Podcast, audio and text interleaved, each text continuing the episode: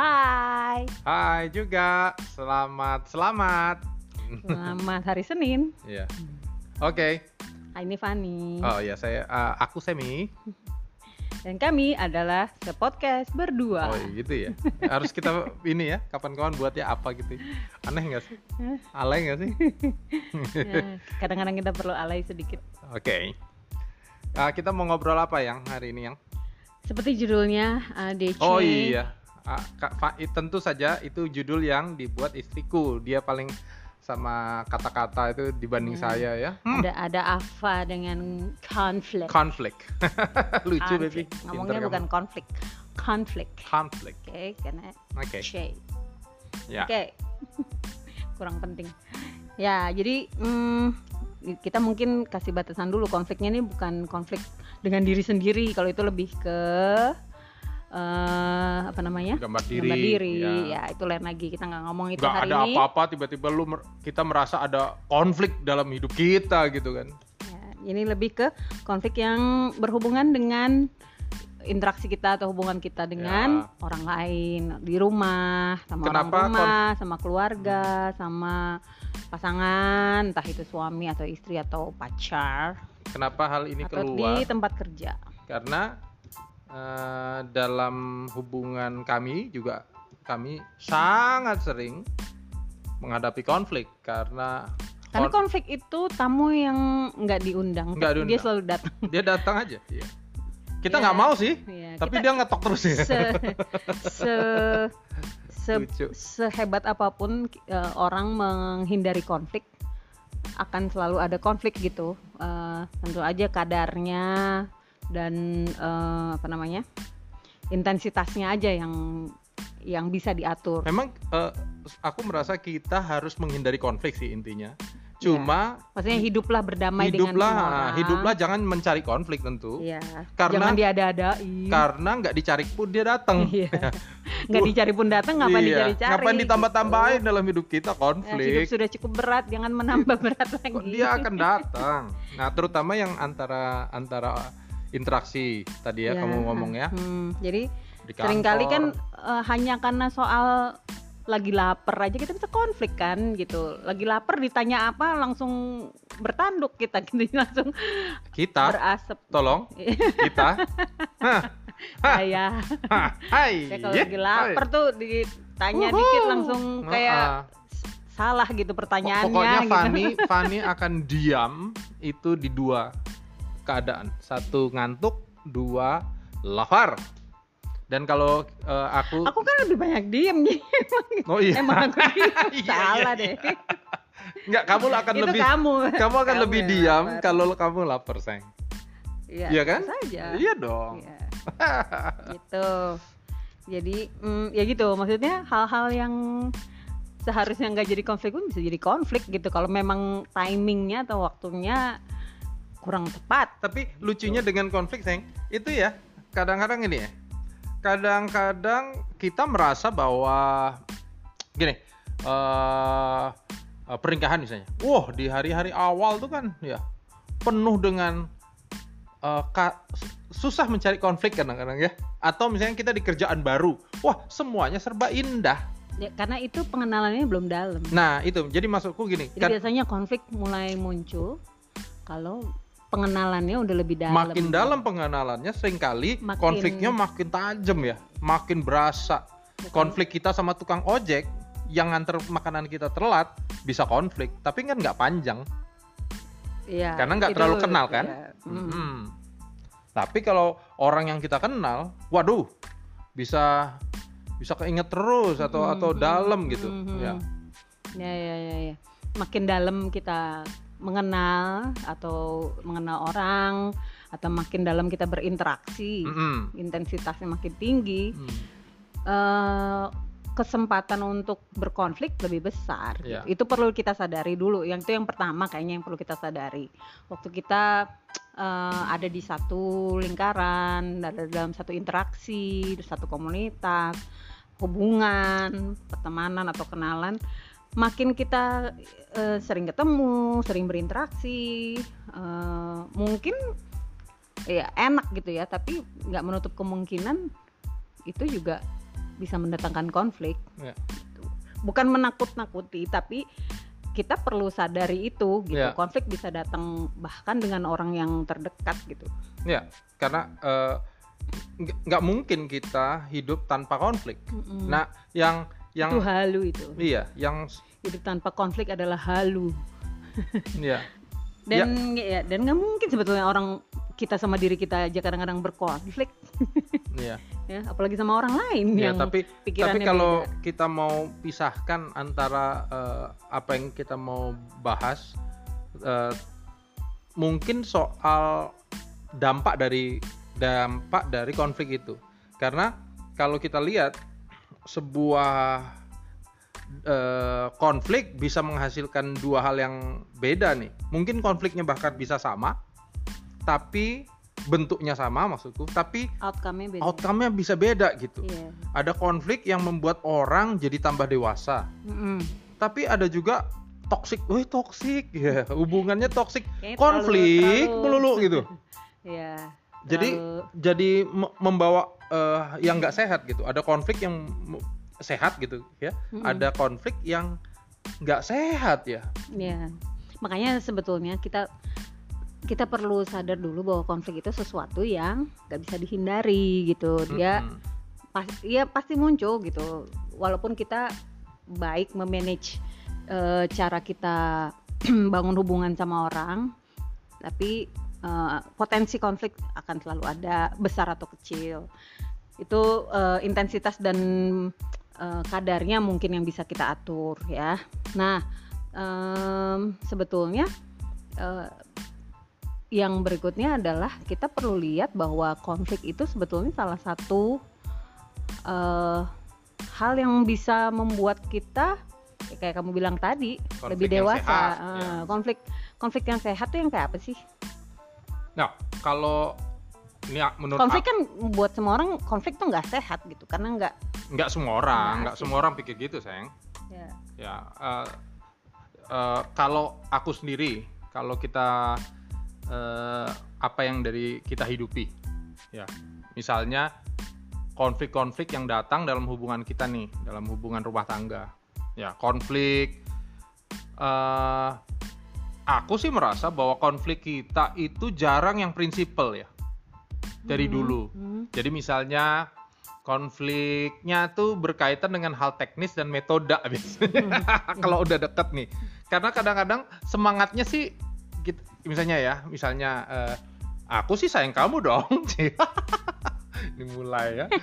ya, ya, ah, itunya kan udah pas, tapi bagaimana aku, cara aku Mengungkapkannya, ngungkapinnya mungkin mungkin nggak pas sama kamu. Ya, Nah, nah proses itu membuat konflik tuh. ya, Jadi sering kali konflik kita bukan hal yang prinsipal ya. ya, prin- biasanya kalau hubungan pertemanan, hubungan yang dekat ya, keluarga, pertemanan, pasangan, Ya, eh, kolega di tempat kerja, hubungan yang dekat tuh artinya yang intensitasnya tinggi dan eh, dalam gitu ya.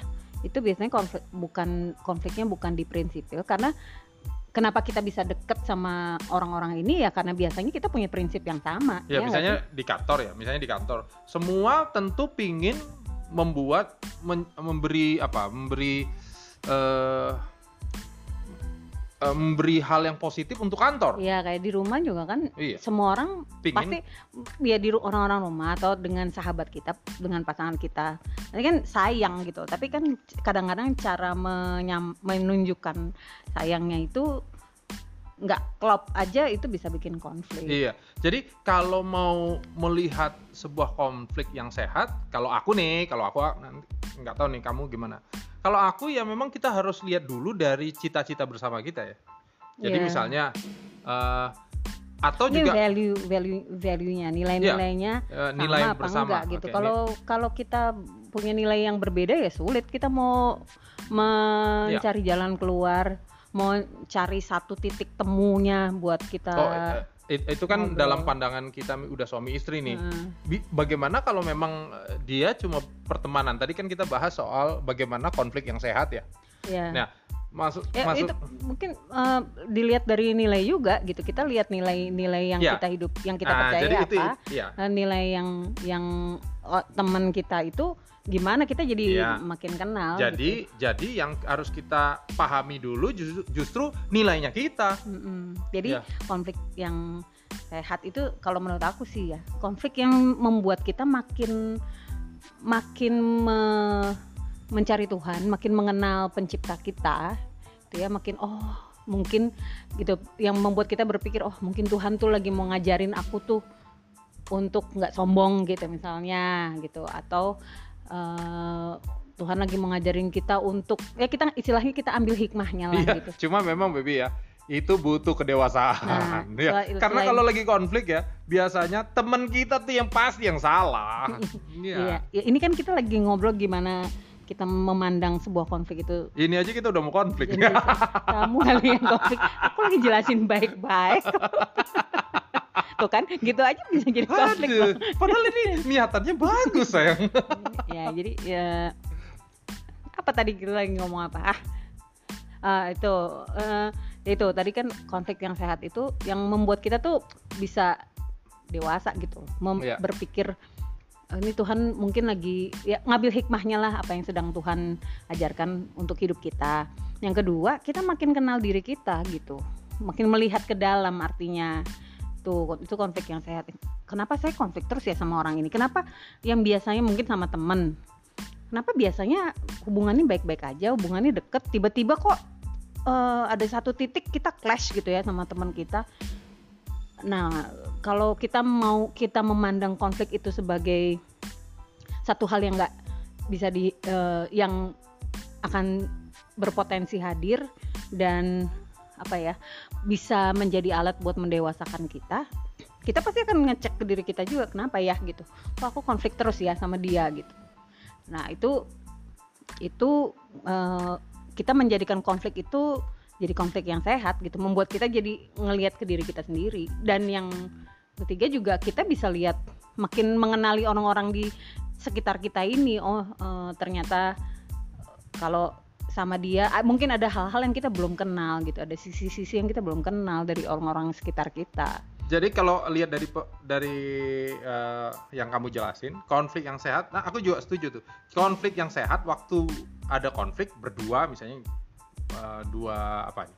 Dua pihak nih berkonflik, dua-duanya nomor satu harus ngecek ke dalam ya. iya Iya. Mm-mm. jadi inilah maksudnya ini ada apa dengan konflik tuh juga konflik tuh bisa bisa membunuh kita atau bisa mendewasakan kita Ya. gitu istilahnya Aku ngelihat dari itu ide nih, bukan ide ya. Eh, pengertian aku ya dan kayaknya bener ya. Gini, bahwa waktu kita konflik akan sehat sekali melihat konflik ini untuk mendewasakan kita. Ya. Jadi ngelihatnya ke dalam Hmm, masing-masing loh nih. hmm. Dia akan menjadi nggak sehat kalau first reaction kita, oh bahasa Inggris, first reaction ya. Reaksi pertama kita nomor satu langsung nyalain orang ya, lain. itu dia Apa-apa orang. itu masalahnya jadi eh, konflik menjadi tidak sehat saat kita lebih banyak me- menunjuk-nunjuk orang gitu mungkin memang kesalahannya ada di orang lain gitu ya atau bukannya maksudnya ke- kesalahannya bukan di kita tapi eh, kalau konfliknya nggak selesai-selesai terus pasti ada sesuatu yang perlu kita lakukan Nah. gitu salah satunya awalnya menurut aku ya kita introspeksi diri melihat ke dalam gitu Ya, yang bisa kita yang bisa kita rubah nomor satu kan diri kita sendiri. iya kita nggak bisa ngerubah orang Masa itu or- orang itu dulu- salah orang- satu eh, hal ya kalau dulu aku belajar seven habits Ush, eh, anaknya yang belajar pertama banget. itu eh, be proactive itu proaktif itu artinya eh, Jadilah. se- segala se- kita adalah eh, hasil dari pilihan-pilihan kita gitu jadi Oh. kalau misalnya eh, kita memilih untuk eh, marah ya, Ya. ada konsekuensi dari marah itu gitu Ya. kalau misalnya dengan kon nah waktu kita ketemu dengan konflik apa yang kita lakukan nih gitu Ya. kita mau nunjuk-nunjuk orang sementara orang itu nggak bisa dirubah nah ini ini salah satunya di di eh, Seven Habits itu diajarin ada dua lingkaran yang ada di setiap kita Ya. yang lingkaran terluar tuh lingkaran eh,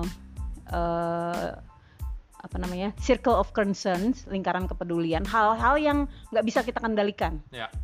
yang lingkaran terdekat kita itu lingkaran namanya lingkaran pengaruh circle of influence Hmm. itu hal-hal yang bisa kita kendalikan nah jadi Ya. kalau waktu kita ngadepin konflik hal yang pertama bisa kita kendalikan adalah diri kita sendiri Ya. kita nggak bisa kendalikan respon orang reaksi orang itu kita itu itu di luar jangkauan kita waktu kita makin nyalain orang makin ngarep orang berubah dan segala macam makin makin kita melepas hal-hal yang bisa kita kendalikan gitu hal-hal yang bisa kita pengaruhi hal-hal yang bisa kita rubah gitu Ya. makin besarlah konfliknya gitu Oke.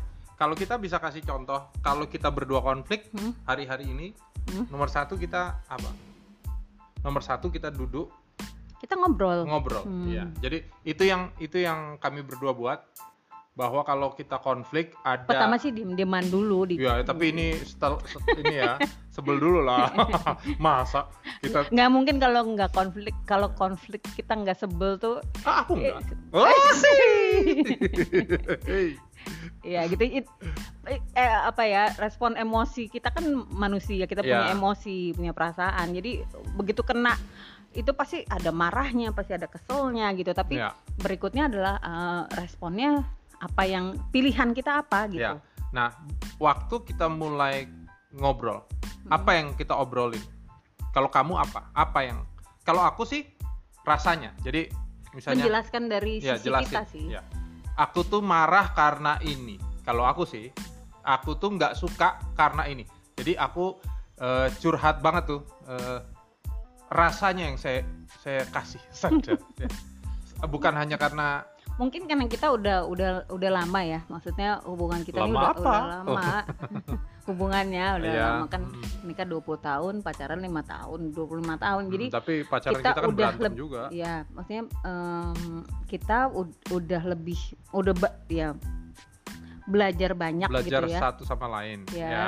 untuk sekarang tuh lebih berbagi rasa dan ini juga yang kita Ya. banyak sharing sama eh, teman-teman gitu kalau yang lagi berkonflik kita berbagi rasa Ya, jadi kan ini aku lagi berusaha ngasih kalau up poin apa gitu. Jadi misalnya Mm-mm. setelah marah biasanya dieman dulu nih, nurunin nurunin yang Ya, dimarah. perlu mungkin Ya. perlu waktu untuk Ya, jeda ya. juga tuh Oh, namanya tapi nggak usah lama-lama lah ya. ya Ya. Habis itu nomor dua, jangan lewat sehari juga lah, baby ya. Hmm, Ya, hmm, kita hmm. pernah yang lama pernah juga, baby. Ya, dulu dulu banget. Oke, habis itu dua ngobrol lah, ngobrol yang diobrolin soal why-nya marah gitu. Untuk ini juga kadang-kadang masalahnya Mm-mm. kadang-kadang ada yang nanya kalau misalnya iya kitanya sih mau ngobrol tapi yang yang Iya. pihak sananya nggak mau diajak ngobrol itu gimana Ya, ini harus berdua memang. Heeh. ya, kalau memang sana nggak mau ngobrol, kalau misalnya nggak mau Ya. ngobrol nah itu pilihan kita sebetulnya kalau di, di yang pihak sananya pihak yang pihak keduanya nggak nggak mau diajak eh, bertukar pikiran berbagi rasa ngobrol gitu ya kita yang memutuskan apakah kita akan tetap marah gitu atau kita eh, kita eh, berubah sikap tapi gitu. tapi konteksnya agak beda waktu di rumah, di Ya, keluarga. mm-mm. kalau di rumah tangga aku aku sih dorong ya teman-teman eh, harus ngobrol dua-duanya Hmm, karena ini demi demi rumah tangganya juga iya. ya kan tapi kalau konteksnya kantor gitu Hmm. temen kerja I- mungkin lebih ke temen yang teman permainan yang jarang ya jarang ini kan konteksnya eh, sesuatu kalau kantor kan sesuatu yang dia orang di kantor kan hidup hari-hari di kantor gitu dia akan terus be- bekerja sama gitu tetap Iya. berhubungan iya tapi misalnya orangnya nggak mau ngobrol Hmm. tentang masalah itu ya ya sudah tapi jangan jadikan marahmu itu sesuatu yang buat toksik kan Mm-mm. Ya, kalau nah yang hubung- itu itu tantangannya gitu gimana Iya. kita membuat eh, ini jadi another topik lagi jadinya maksudnya nanti- itu nanti gimana bahas ya. eh, gimana waktu kita ngadepin kita mau selesaiin konfliknya nih ya tapi orangnya nggak nggak mau, mau. gitu terus kita harus ngapain ya Atau kita harus orangnya- kita harus kita kan tahu kita harus ya tetap me- menunjukkan itikat baik menunjukkan sikap yang baik tapi kalau sering kali kan orangnya eh, memancing amarah gitu nah itu gimana gitu itu mungkin sesi lain lagi Iya, jadi uh, kalau orang hubungannya jauh, aku rasa ya nggak segitunya juga tadi kan kamu ngomong soal itu. Bagaimana kalau hubungannya tadi apa? Hmm. Tidak sedekat itu Hmm. ya. Kalau tidak sedekat itu ya, yang penting kitanya dulu aku Hmm. rasa. Jadi balik lagi ke tanggung jawab respon kita gimana Iya, kita memandang konflik itu gitu. iya. Jadi penting kayak tadi dari awal, awal kan yang pertama kita sadari Konflik itu konflik itu bisa se- menjadi yang sehat. Mm-mm. Maksudnya konflik itu pertama selalu ada, Ada. potensi gitu ya untuk muncul gitu di dalam hubungan hubungan yang paling seru sekalipun sama sahabat deket sekalipun bisa ada aja loh gitu jadi itu, itu kita harus siap gitu. Nah berikutnya kita kalau ada konfliknya kita mari kita jadikan konflik itu sebagai hal yang sehat untuk kita bertumbuh untuk kita berubah jadi orang yang lebih baik gitu jadi lebih dewasa lah Hmm. gimana kita mengatasi emosi kita mengatasi kekesalan kita mengatasi ketidaksukaan kita itu kan perlu kedewasaan nih kayak gitu. Nah biasanya untuk jadi dewasa gitu latihan Biasanya ngadepin konflik dari konflik ke konflik ke konflik ke konflik lama-lama kita terlatih dan lama-lama hatinya udah eh, lembut gitu mungkin Oh, ya. nanti kapan-kapan kita bahas juga soal ini yang sering kali orang merasa bahwa ha- gini ada konflik yang membuat dewasa tapi ada juga konflik yang bertubi-tubi malah Hmm. buat enam dia Hmm. mati rasa orangnya itu, itu biasanya kalau kayak gitu tidak diselesaikan dan eh, nggak di- bukan hanya nggak diselesaikan sama pihak yang berkonflik tapi dirinya sendiri me- lebih diri kita sendiri itu lebih eh, apa ya hmm, nyimpen gitu nah, itu, tadi yang mungkin itu bisa jadi poin ketiga Iya. tadi habis diobrolin pastikan dalam obrolan itu kita bersama-sama buat penyelesaiannya Hmm.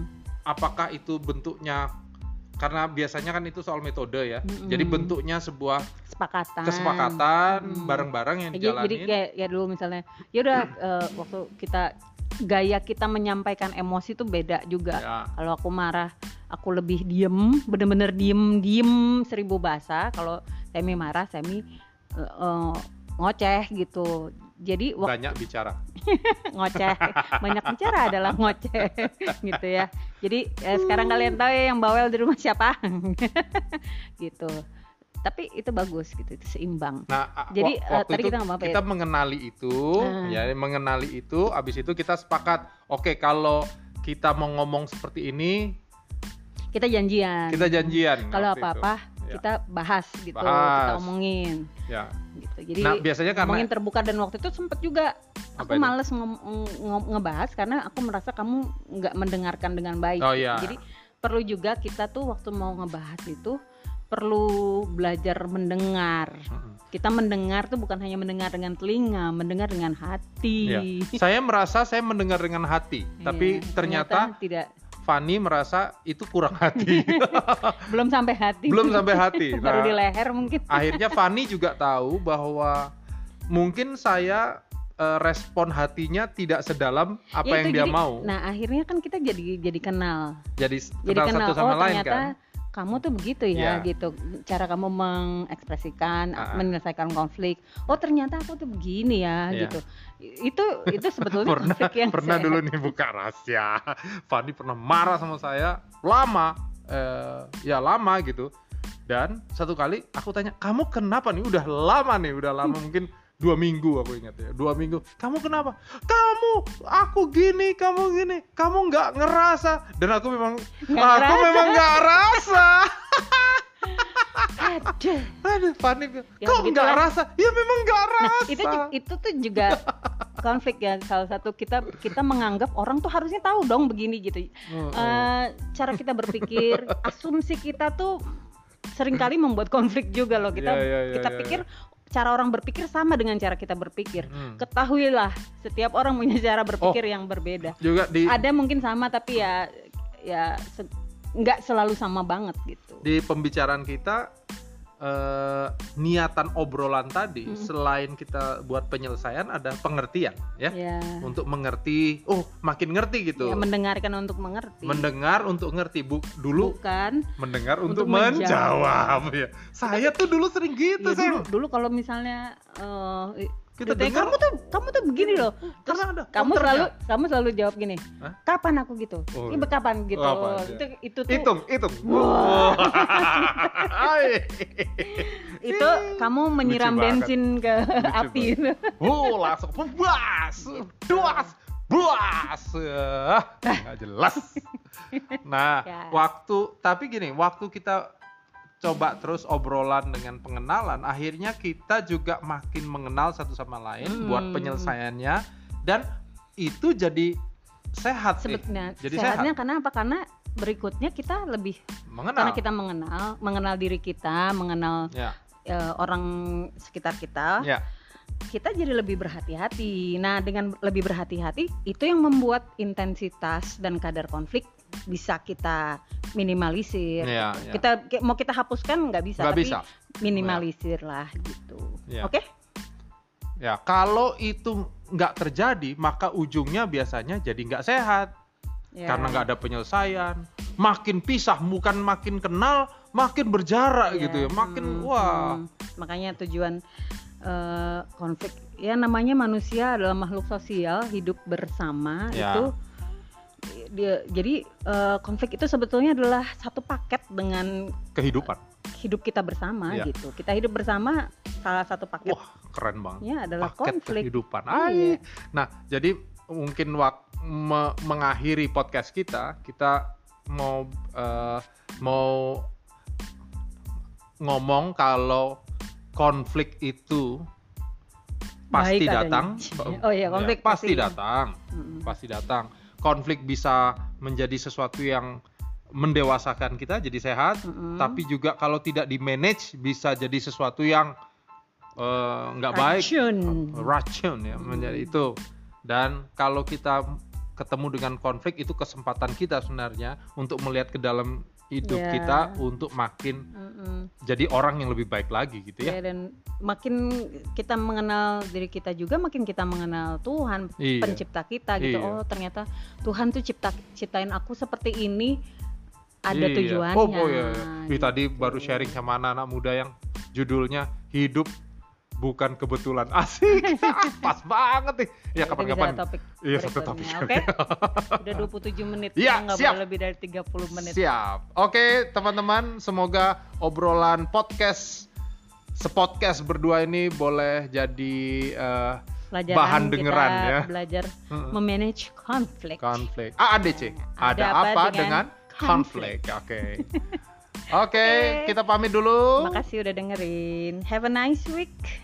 Bye-bye. Bye-bye.